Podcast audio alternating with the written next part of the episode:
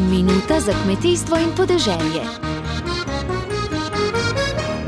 Na pobudo Združenih narodov danes že tretje leto zapored obeležujemo Mednarodni dan ozaveščanja o izgubah hrane in odpadni hrani. Te dni bomo tako slišali precej dejstev, ki naj nas spodbudijo k drugačnemu, bolj skrbnemu odnosu do hrane. Kar 68 kg naj bi jo v povprečju vsako leto zavrgal vsak prebivalec Slovenije.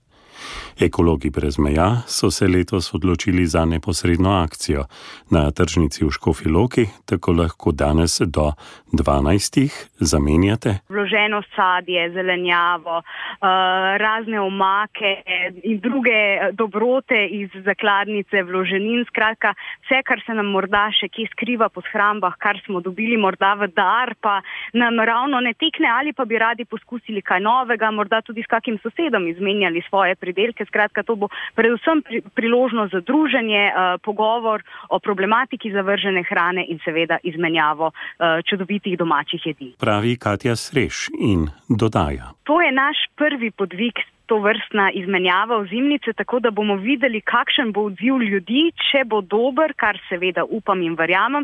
Bomo seveda to prakso skušali razširiti še tudi po druga mesta in motivirati tudi druge lokalne organizatorje, da se nam pridružijo pri teh naših prizadevanjih za manj zavržene hrane. V Škofiloki torej letos nov poskus, kako odgovorno postopati s hrano.